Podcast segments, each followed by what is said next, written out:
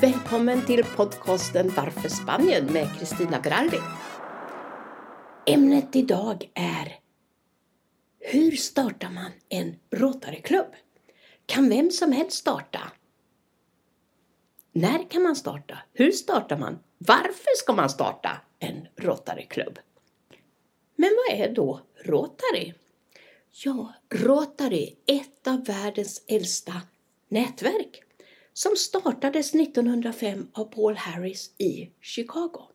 Idag har vi lite mer än 1,2 miljoner medlemmar i jag tror det är 200 olika länder med cirka 35 000 klubbar. Bara det är ju imponerande. Och det kanske Rotary är främst känd för är att de vill utrota polion. Polio är ju en fruktansvärd sjukdom att drabbas av.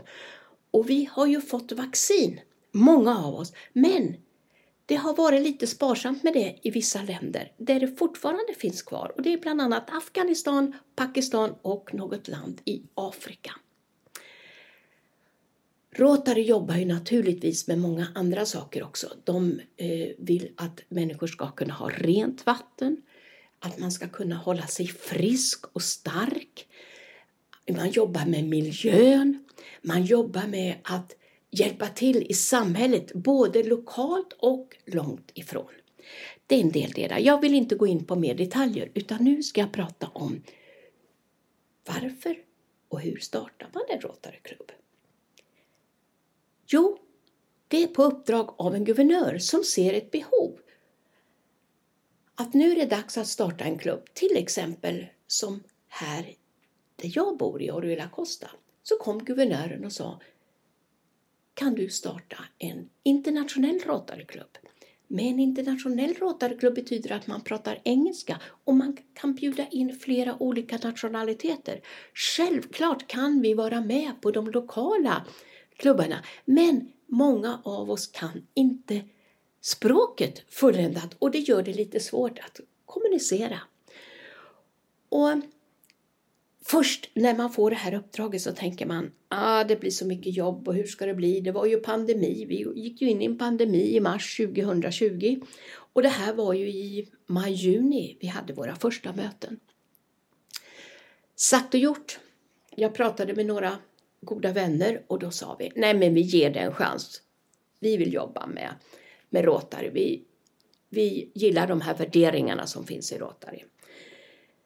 Och vi startade med lite informationsmöten som sedermera gick över till medlemsmöten och vi började egentligen i början av november 2020. Då fick vi inte träffas. Vi hade digitala möten och det gick väl bra, sådär.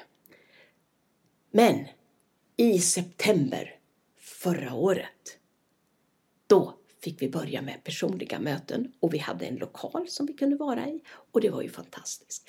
Idag träffas vi en gång i veckan mellan klockan 8 och 9 på kvällarna.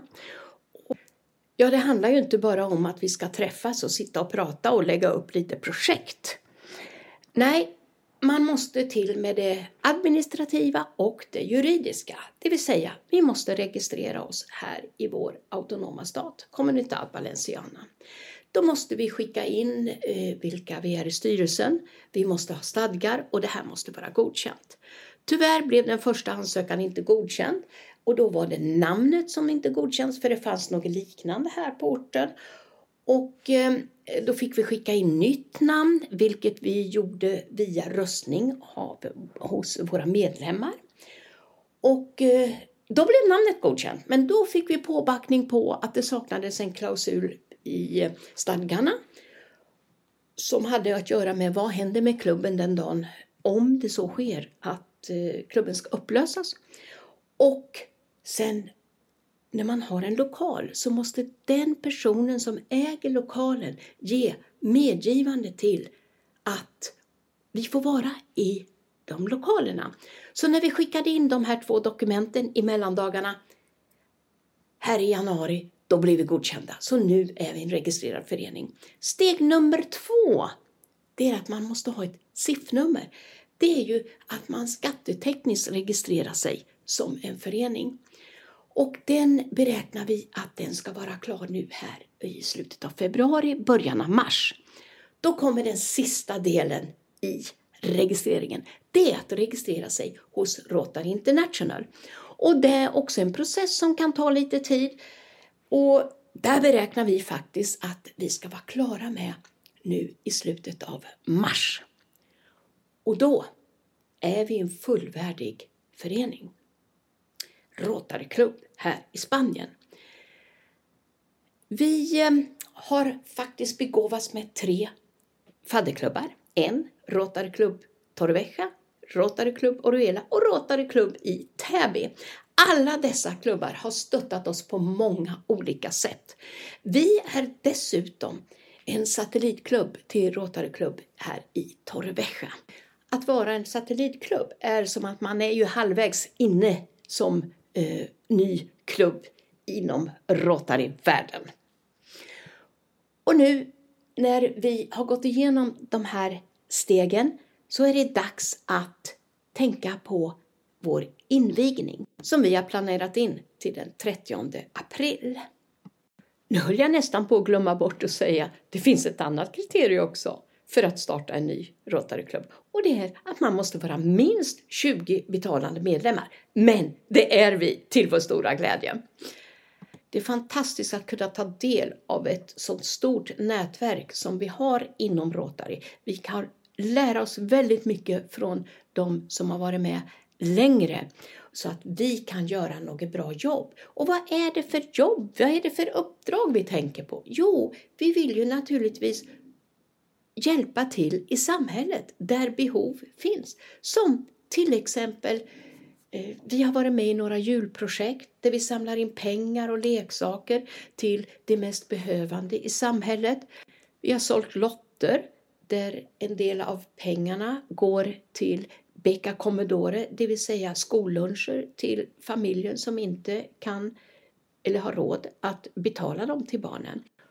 Om jag får fortsätta lite grann med organisationen inom Rotary så är det så att varje första juli så tillsätts en ny president som då har valts året innan i september-oktober och heter då incoming president. Så är mandatperioden ett år, så sista juni så avgår man och då kommer den andra, den inkommande presidenten att ta vid. I samband med detta så brukar man ha en fest. Man bjuder in medlemmar, andra klubbar, guvernörer och så vidare där man då har det här byte av president. Förutom en årlig fest för varje klubb så kan man ju faktiskt ha andra sammankomster eller tillställningar som det heter. Och vi har en annan klubb här som heter Rotary Club Almoradi. De har två fester om året. En på våren i början av mars. Den heter Alcachoffa-fest. Det är ju kronärtskockor. Så då blir man inbjuden dit. Det brukar vara underbart varmt, härligt väder. Och man äter eh, just kronärtskockor och lite annat gott. Och träffas och är social. På hösten har samma klubb en annan fest som heter Fiesta Blanca. Det ska alla vara vitklädda.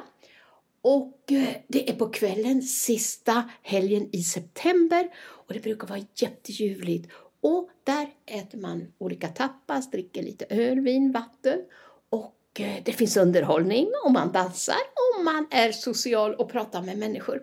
Så det finns alla tillfällen till att kunna träffas och utveckla eh, sitt eget nätverk. Och överskott går alltid till olika välgörande ändamål som till exempel till att stoppa polion men även till eh, andra projekt som till exempel Beka Commodore, hjälpa, hjälpa eh, människor som behöver, som är i ens närhet. Jag har faktiskt inte berättat hur vi är organiserade på lokalplanet, det vill säga i de små klubbarna. Och då har man ju alltid en president, man har en sekreterare, kassör och så har man en massero. Massero är att eh, jämföra med klubbmästare som i princip leder mötena och har en klocka och slår i. Och sen är det naturligtvis eh, att man kan ha medlemmar i olika kommittéer som till exempel välgörenhetsprojekt, medlemsansvarig och liknande. Alla behövs ju. Alla har en funktion att fylla förutom att man bidrar till någonting fruktbärande för övriga på mötena.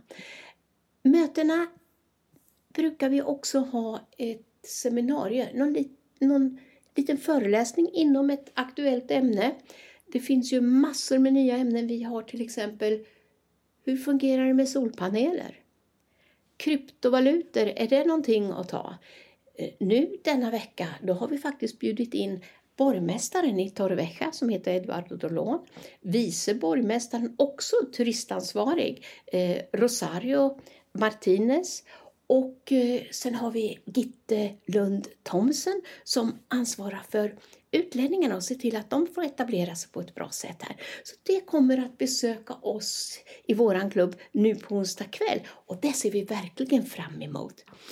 Då får vår ledstjärna, kan vi säga, Peter Jägarstjärna och hans eh, affärspartner Jörgen Pettersson berätta om inte bara Best Office utan vad de har etablerat för affärer och vad de har i tankarna för framtiden. Vi har flera andra medlemmar som också har möjlighet att berätta vad de arbetar med och bidrar med till samhällets fortsatta utveckling. Så det här mötet kommer att bli fantastiskt intressant och självklart vill vi veta lite grann om vad händer i kommunen just nu? För flera stycken som bor nu i Torrevieja, de säger att det har hänt väldigt mycket positivt det vill vi också veta. Och dagen till ära är att nu den 23 februari, då fyller Rotary 117 år. Och det ska vi också fira, förutom att vi har så celebrera, nu kan jag celebra eh, gäster, så kommer vi också att fira med kava. Så det kommer vi att bjuda alla på och fira det här. Jag vet att till exempel Torveja, De kommer att ha en middag nu på fredagskvällen för att fira den här årsdagen. Och då tänker jag 117, om tre år förstår du, då är det 120 år! Säg mig ett nätverk som har 120 år på, på nacken. De är svårräknade. Jag hoppas att jag har kunnat förmedla en liten bild över vad det Rotary och hur hur arbetar Rotary? Vad har de för visioner för att eh, hjälpa befolkningen i världen? Och har du några frågor, hör av dig till mig så ska jag försöka svara dem. Nu får jag tacka för mig och eh, jag önskar er en härlig vecka tills vi hörs igen. Hejdå!